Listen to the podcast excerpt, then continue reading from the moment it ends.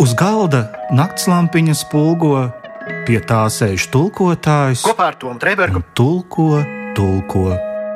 cienījamie lasītāji. Etīdes par literatūru Kopā ar dzinieku Tomu Trēbergu un rakstnieku Svenu Kusminu paldies jums trešdienās 15.35. LR1.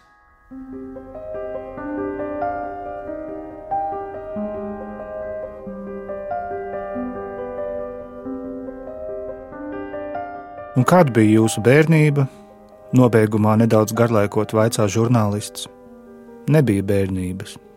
Tikai melnas vārnas un elektrības izslāpuši tramvaji, smagas rasnu mācītāju ornātas, skolotāji ar misiņu sejām.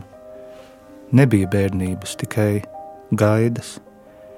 Kļaulapas spīdēja naktīs kā fosfors, un lietus atveldzēja tumšu dziedātāju lūpas. Mani skolotāji nav nekļūdīgi.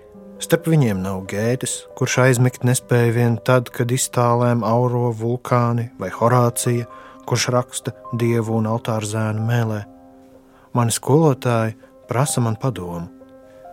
Rīta ausmā, kad vējš noklausās putnu sarunas, steigā uzmetuši sapņiem plecos mīkstus mēteļus, mani skolotāji sarunājas čukstus. Klausos viņu drebošajās balsīs.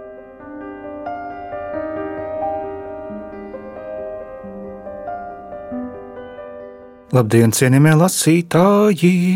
Labdien, cienījamie lasītāji! Toma Trēberga un Svena Kusmina drebošās balsis runā par Ādama Zagajevska dzēju. Drebošas.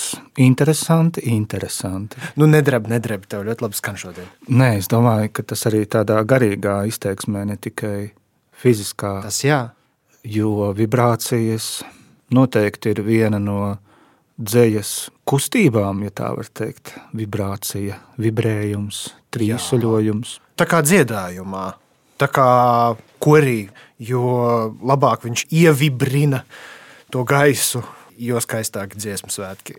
es nezinu. Kad saka, ka klausās skolotāju drabošajās balsīs, kamēr tie runā čukstus, viņi šķiet tādi pazemīgi, vai ne? Tie skolotāji. Vai veci? Nu, tas jau viens otru neizslēdz. Nu jā, Viņi zina, ka neko nezina un necenšas neko sevišķi nevienam mācīt. necenšas citu zināšanu palielināt, varbūt tā var teikt. Jā, varbūt tā. Bet tom es vēlos jautāt tev. Šis ir īstais laiks. Ļoti labi. Teic, kas ir vārdi un kas ir gaišums? Kādēļ vārdi liesmo simtiem gadu, kaut gan zeme ir tik cieta? Un pamēģini uztvert šos vārdus kā pavisam īstu jautājumu, ko tev uzdod Labi, labi. žurnālists. Es sapratu, žurnālisti, kā tu to domāji. Jā, cietā zeme, gaišums un vārdi. Arī tajā pirmajā dzējolī, kuru es nolasīju par to, ka nebija bērnības, ne tikai Ādams Zagajevskis vien, bet arī, manuprāt, daudzi autori, kuri 20. gadsimtu var saukt par savu jaunības laiku. Daudzi autori šo zemes cietību noteikti ierauga arī ar politisko lēcu. Nu, jo, piemēram, Zagajevska gadījumā viņš arī devās emigrācijā. Uz uh, 82. gadā viņš emigrēja uz Parīzi. Un viņš ir pēckara bērns. 1945. gads, Ļuvova, viņa dzimšanas datums, tā tad nu, pati virsotne šim dramatiskajam konfliktam. Nu, tur varētu nebūt bērnības, jā. Mm, jā, Melnas vārnas un tramvaji. Nu, lūk, un, uh, jā, tāda, manuprāt, tā cietā zemes sajūta ir ar šiem intelektuāļiem, tik bieži mestajiem izaicinājumiem un sarežģījumiem. Nu, tā kā ka tev bāž sprunguli spieķos, tu vēlēsies braukt, bet tevi klupina. Un to gan ar Zagajevski, gan ar jā, viņa līdzgaitniekiem dara politika, Bet tad, ideoloģija un jā, spaidi. bet tad vārdi liesmo simtiem gadu par spīti zemes cietībai, vai tā sanāk? Ir arī liesmošana, noteikti. Jo liesmošana jau var būt ļoti dažāda. Var liesmot tad, kad šķūnim deg jumts, un var liesmot, teiksim, bākuguns miglā. Un tās ir divas dažādas lietas. Jā, liesmošanas hierarhija, pareizi. Nu, šodienas mūsu apskates objekts ir vienkārši fantastiskā Ādama Zagajevska atzējojumu izlase svešā skaistumā. Šajā grāmatiņā ietilpst darbi no krājumiem Trīs eņģeļi, kas iznāca 1998. gadā, Alkas 2001. un Antenas 2005. gadā. Un uh, arī par to liesmošanu te mēs varam novērtēt dizaineru Zigmundu Lapsas risinājumu, ka tās lapušu malas arī tādas apliesmotas, dzeltenās saules noskaņās, tā varētu teikt. Jā, tur ir kaut kas tāds. Tas sējums izskatās saulē izdedzis, un līdz ar to piedzīvojis kaut kādu vēsturi. Nu, tā ir pirmā lieta, kas man nāk prātā. Un es atceros, ka man tas tā nemaz nešķita, kad eh, šis sējums tikko iznāca un bija vēl pavisam svaigs grāmatplauktos. Bet tagad, pēc kaut kāda laika, nu, ja mēs par dizainu runājam, zini, ir dizaini, kurus laika zobs mazliet iegrauž, bet šis ir tāds, kas kaut kādā veidā iegūst no tiem mazajiem pleķīšiem virsū, piemēram, nu, no tā dabiskā nolietojuma. Paturpināsim šo temperatūras tēmu, Labi. ko tu iezīmēji. Cik lielu gradācijas apjomu tu uztvēri šajos dzējoļos, kur tevi saldēja, kur tevi karsēja, un kur tu varbūt biji neizpratnē, vai tu vispār jūti kādu temperatūru? Ugh, tu zini, Ingūna, tad, kad mēs ar viņu runājām pa telefonu, teica, par. Tu domā, tulkotāju Ingūru valodu, kur ir šī mēneša grāmatu kuratora mūsu raidījumā, Sven, vai ne? Vai ne, ka tu to domāji? Jā, to, jā, to es domāju. To nevis visas tās pārējās tulkotājas Ingūras, ar kurām es mēdzu sarunāties pa telefoniem. Un uz mani ļoti liela iespēja atstāja Ingūras. Es to pat neustvēru kā metaforu. Viņa teica, ka dzējas valoda un vispār dzinieki ar savu mākslu, viņi ievada tevi tādā kā valodas gaitenī. Un te ir viens interesants moments, jo Zagajevskis ir viens no šķiet pirmajiem dziniekiem, varbūt pat pats pats pirmais dzinieks, kura dzējā es esmu sastapis rindas, lasīju dzēju, neko nesapratu. Tas man likās tik jauki, tāpēc ka es jau kādu laiku, tas bija nu, īstenībā gatavojoties šai sarunai, es lasīju Zagajevska dzēju, un es ļoti daudz ko nevarēju saprast. Šajos dzīslas gaiteņos es īsti nesapratu, uz kurieni viņi mani ved. Tur kaut kāda ļoti daudz dažādu sazarojumu un visādu durvju pusi, no kurām ir slēgtas. Un otrai pusē trūkst varbūt roku turu, kā dažās attiecīgās iestādēs. Un man it kā kaut kādā ziņā uztrauca tas, ka ar mani notiek šī diezgan spēcīgā nesaprašana. Un ir jau it kā interesantāk, kā reizes sekot tam, ko tu nesaproti, nevis tam, kur tu zini visas atbildes. Bet tad pēkšņi Zagajevskis, kurš pats ir šo vārdu autors, man pasaka, lasīju dzēju, neko nesapratu. Tad man, zini, lampiņa iedegās virs galvas. Es sapratu, ka, ej, bet saprašana taču nav vienīgā kognitīvā darbība, ko es varu veikt ar dzēju. Saprašana nav vienīgais, kas var dzējas iespējā ar lasītāju notikt. Varbūt tas pat nav vērtīgākais. Tur daudz kas cits var notikt, vēl bez saprāšanām kaut kādām. To tu ļoti labi pateici. Un, ja, piemēram, tu iztēlotos nu, šo grāmatu kā muzeju, tad uh, kāda veida muzejs šis būtu? Ugh, tas ir labs jautājums. Pirmā lieta, ko es asociatīvi redzu, ir dzinieku bistes, ja godīgi. Oh. Uz piedestāliem. Tāds gaitenis ar dzinieku bistēm gar malām. Bet tā kā Voltēra stilistikā vai tādas mūsdienīgas? Es domāju, vairāk uz Voltēra stilistiku. Bet pirmais, ko es redzu, ir Brodskis tur. Asociatīvi. Jā, Brodskis arī šeit ir pieminēts, un vēlāk nolasīšu viņam veltītu dzējoli, ja vien tu jau to nebija izvēlējies. Biju, bet tas nekas. Mēs varam arī lasīt viņu kopīgi. Nu, to var lasīt pie sevīm. Labi, es lasīšu pie sevīm.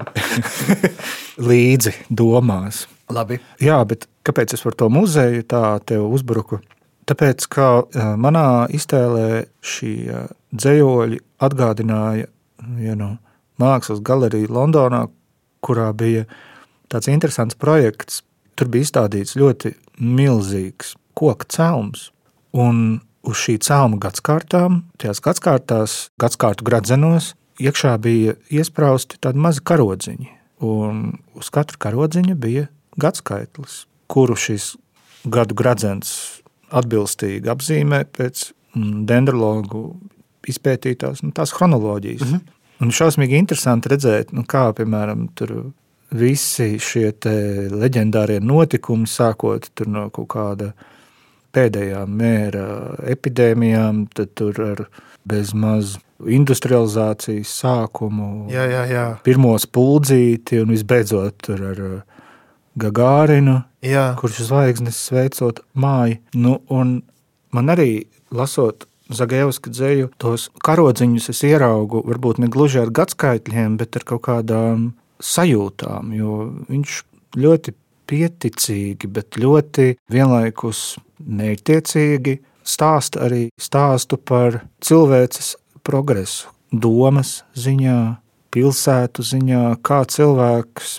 nu, no sava klusā, tumšā kaktiņa it kā nāk laukā gaismā un paceļot jā, kaut kādu vai nu lāpstu, vai skrūvgriezi, vai datora klaviatūru. Jā. Viņš nāk ar savas eksistences realizāciju. Arī piemēram Schopenhauera stāstīns man likās ļoti interesants, kā Jā. viņš viens pats ieslēdzas istabā, aizslēdz durvis un viņam par viņu dzelteniem vaigiem rita asaras. Bet koks tikmēr mierīgi aug, un viņam viss ir vienalga. Ja? Ķēzars Vilhelmi nošāva koks augu. Nu. Cilvēks aizlido kosmosā, kokam nekas koks auga. Tie varbūt arī ir tie liesmojošie vārdi, kurus tu pieminēji raidījuma sākumā. Kuri tad? Tie, kas ārpus tam simtiem gadu. Jā. Tas ir skaisti. Tu, es sāku, neteiksim, ka saprast, bet kaut kā citādāk uz to skatīties. Pirms tam pieminējām Josifu Brodski, un te arī ir dzējols, kurš veltīts gan viņam, gan arī režisoram Kristofam Kiešlovskim - Rīts Vičencē.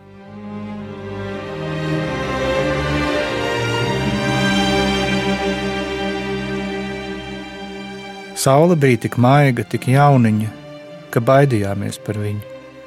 Neuzmanīga rokas kustība to sašvīkātu. Pat kliedziens, ja kāds iedomātos kliegt, Tai varētu nodarīt pāri. Tikai steidzīgām bezdalīgām ar it kā no čuguna izlietiem spārniem bija ļauts čiepstēt skaļi, jo tās vadīja savu īso nemierīgo bērnību māla likstās kopā ar brāļiem un māsām, sīkām, trakām planētām, melnām kā meža ogas. Mazā kafejnīcā neizgulējies viesmīlis meklēja sīknaudu kabatā dziļākā Zem viņa acīm savākušās nakts pēdējās ēnas, bet kafija smaržoja pēc arābijas, saldi un svinīgi, kā tikko iespiestā grāmatā krāsa. Debesu zilgmi solīja garu pusdienlaiku, nebeidzamu dienu. Skatījos, kā redzēdams tevi pirmo reizi. Pat palādījā kolonas šķita nu pat kā piedzimušas, iznirušas no rītausmas viļņiem, tāpat kā vecā draudzene Venēra. Jāsāk no sākuma jāskatās, kas pazaudēts, jāskaita kritušie, jāsāk jauna diena, lai arī jūsu vairs nav. Ne tevis, ko divreiz apglabājām un divreiz apraudājām, dzīvoja divreiz stiprāk par citiem, divos kontinentos, divās valodās, īstenībā un iztēlē, ne tevis ar asajiem vaipstiem un skatienu, kas palielina priekšmetus un sirdis, tās vienmēr par mazu. Jūsu nav, un tādēļ mēs dzīvosim dubultu dzīvi, vienlaikus gaismā un ēnās, spilgtajā pusdienas saulē un akmens gaiteņu vēsumā, žēlabās un priekā.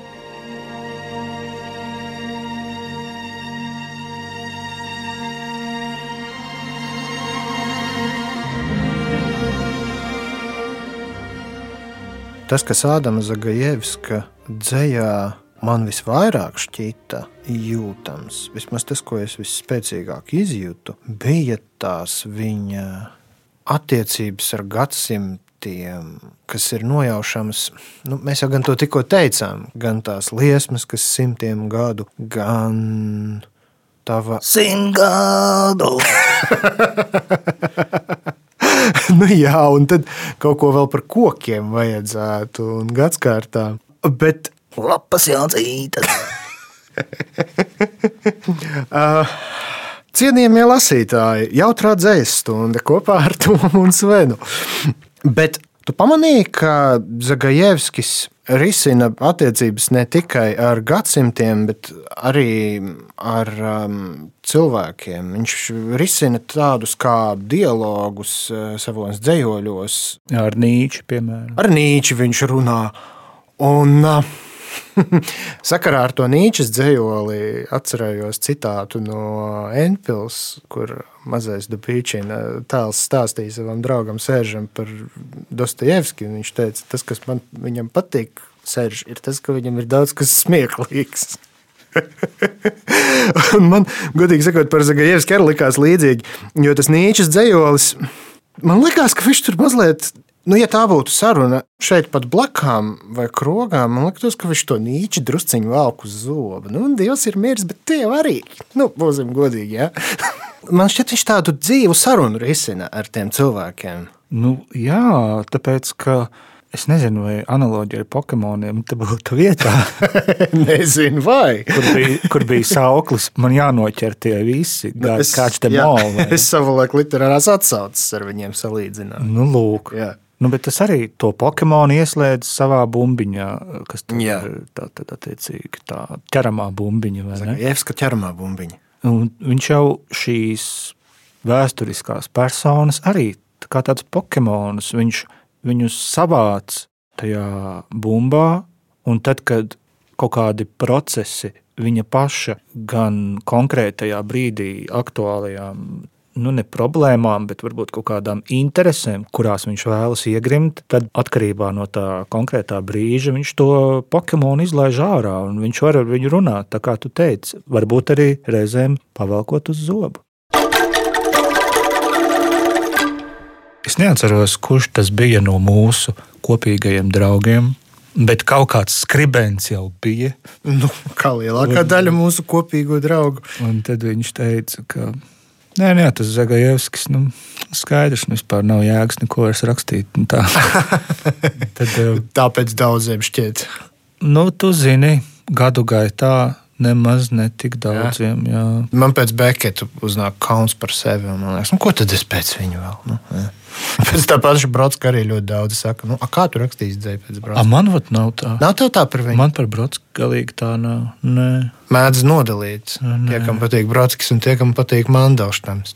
Man manda? abi. Tev abi? Dodiet abus. Jā. Dodiet abus. Bet, laikam, tad, ja tā saka, tad varbūt man pēc Mandelštam vairāk liekas, ka nav jēgas neko rakstīt. Neko à, pēc Brodska. Nu, labi, tad tu raksti pēc Brodska, es rakstīšu pēc Mandelštam, un viss būs ļoti labi.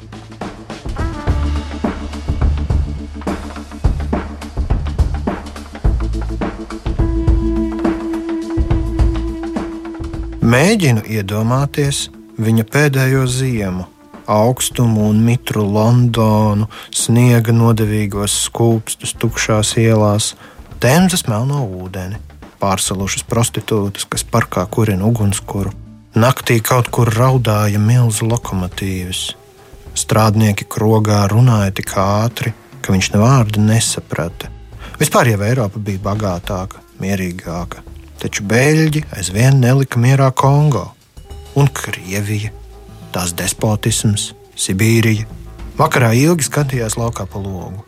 Nevarēja saņemties, pārrakstīja vecos darbus, Caurām dienām lasīja jauno Marksu un klusībā apbrīnoja šo aizrautīgo autoru. Aizvien ticēja savai fantastiskajai vīzijai, taču gadījās mirkļi, kad šķita, ka piedāvājas pasaulē vienu jaunu izmisuma paveidu. Tad viņš aizvēra acis un redzēja tikai savu plakstiņu asins sarkano tumsu.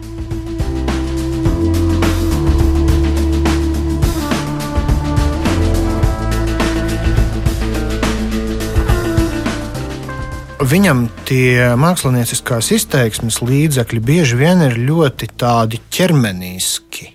Nu, viņš, protams, bieži vien aiziet arī smalkajās sfērās, bet ik pa laikam viņš atgriežas pie tādām patiešām ļoti ķermeniskām izjūtām. Nu, es varu, piemēram, tīri pateicoties savai kaut kādai asociatīvajai dzīslas izpratnei, varbūt saprast vai nolasīt vienā vai otrā veidā to, ko viņš ir pateicis. Bet, kad viņš saka, aizvērt acis un ieraudzīt asins sarkano tumsu, nu, tas ir kaut kas fizisks vai ne? Kaut kas ļoti, ļoti ķermenisks, ko tu, nu, tu tā īsti nevari nesajust, ja tu aizdomājies par to. Un viņš brīžiem mēdz iedarboties uz tādām lietām, ko tu tiešām ar ķermeni, nevis ar prātu, vairāk sajūti. Tas ir ārkārtīgi interesanti.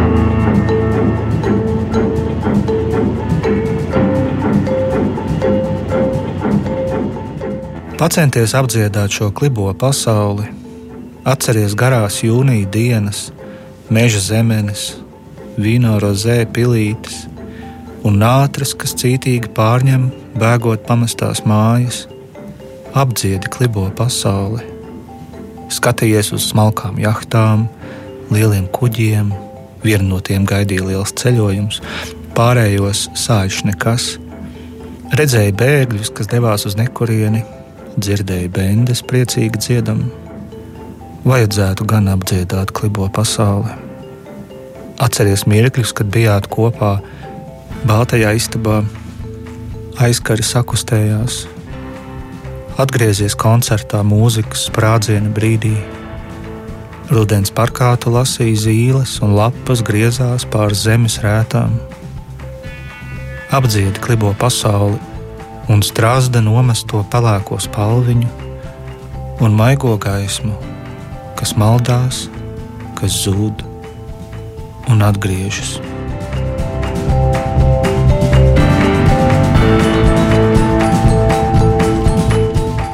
Cienījamie lasītāji, noteikti paraugieties vai nu portālā Satorī, vai arī Punktu magazīnā, vai arī vienkārši ierakstiet eh, Google meklētājā eh, Ādams Zagajevskis intervija. Man liekas, arī Rīgas laikā bija Ingūras saruna ar Ādamu. Tā varētu būt. Jā, jā. un noteikti pameklējiet gan šīs sarunas, jo tās ir ļoti būtiskas ne tikai literatūras kontekstā, bet uh, arī sarunas kā nu, remdinājuma iespēja kaut kāda. Iespējams, šī ciešā draudzība, kurā Ingūrai ar Ādamu gadu gaitā ir bijusi, es ļoti ceru, ka tā vainagosies ar vēl kādiem darbiem, cerams, protams, grāmatā, bet tīmeklī ir arī vēl daži atzījumi pieejami. No Ingūras puses vienkārši pameklējiet, ir vērts. Noslēgumā vēl pāris dzējoļus.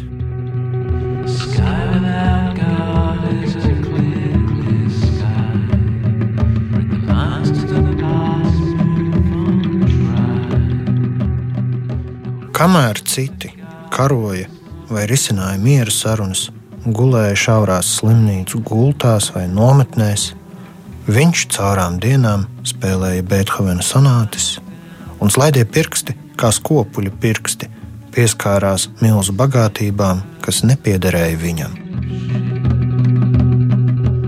Lietus lāsē, kas apstājās manā logā un nemaz nesteidzās tālāk, parādās ovāls, spīdīgs attēls, un es atkal ieraugu mūsu saimnieci Čolgu, kas virtuvē plūc viskaistāko zosi, Ogļu rati, melni un htoniski, vilkās pa koka bruģi un prasīja, vai gribat dzīvot, bet mēs ļoti gribējām dzīvot pēc lielā nāves kara. Sakarsēts gludeklis līdzināja pagātni, rītausmā vācu lakstīgalas dziedāja Georga trākla dzēju, bet mēs gribējām dzīvot un sapņot. Sky,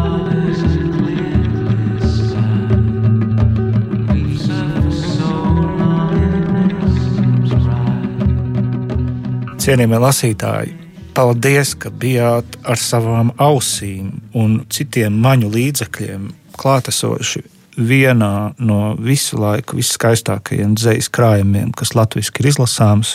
Tas šodien bija Ādams Zagajevska vairāku krājumu apkopojums svešā skaistumā, Ingūras balodas atzījumā. Par skaisto vienmēr ir ļoti grūti runāt, lai arī cik simtus gadu vārdu liesmotu. Tāpēc noteikti, noteikti palasiet arī jūs, un tiekamies ar jums jau nākamajā reizē pie kaut kā nemazāk skaista. Tieši tā. Visu labu! Čau, čau. Uz galda naktslampiņa spulgo, pie tā sēž tulkotājs. Kopā ar Tomu Trēbergu. Tulko, tulko. Cienījamie lasītāji, etīdes par literatūru kopā ar dzinieku Tomu Trēbergu un rakstnieku Svenu Kusminu. Paldies jums! Trešdienās, 15.35. LR1.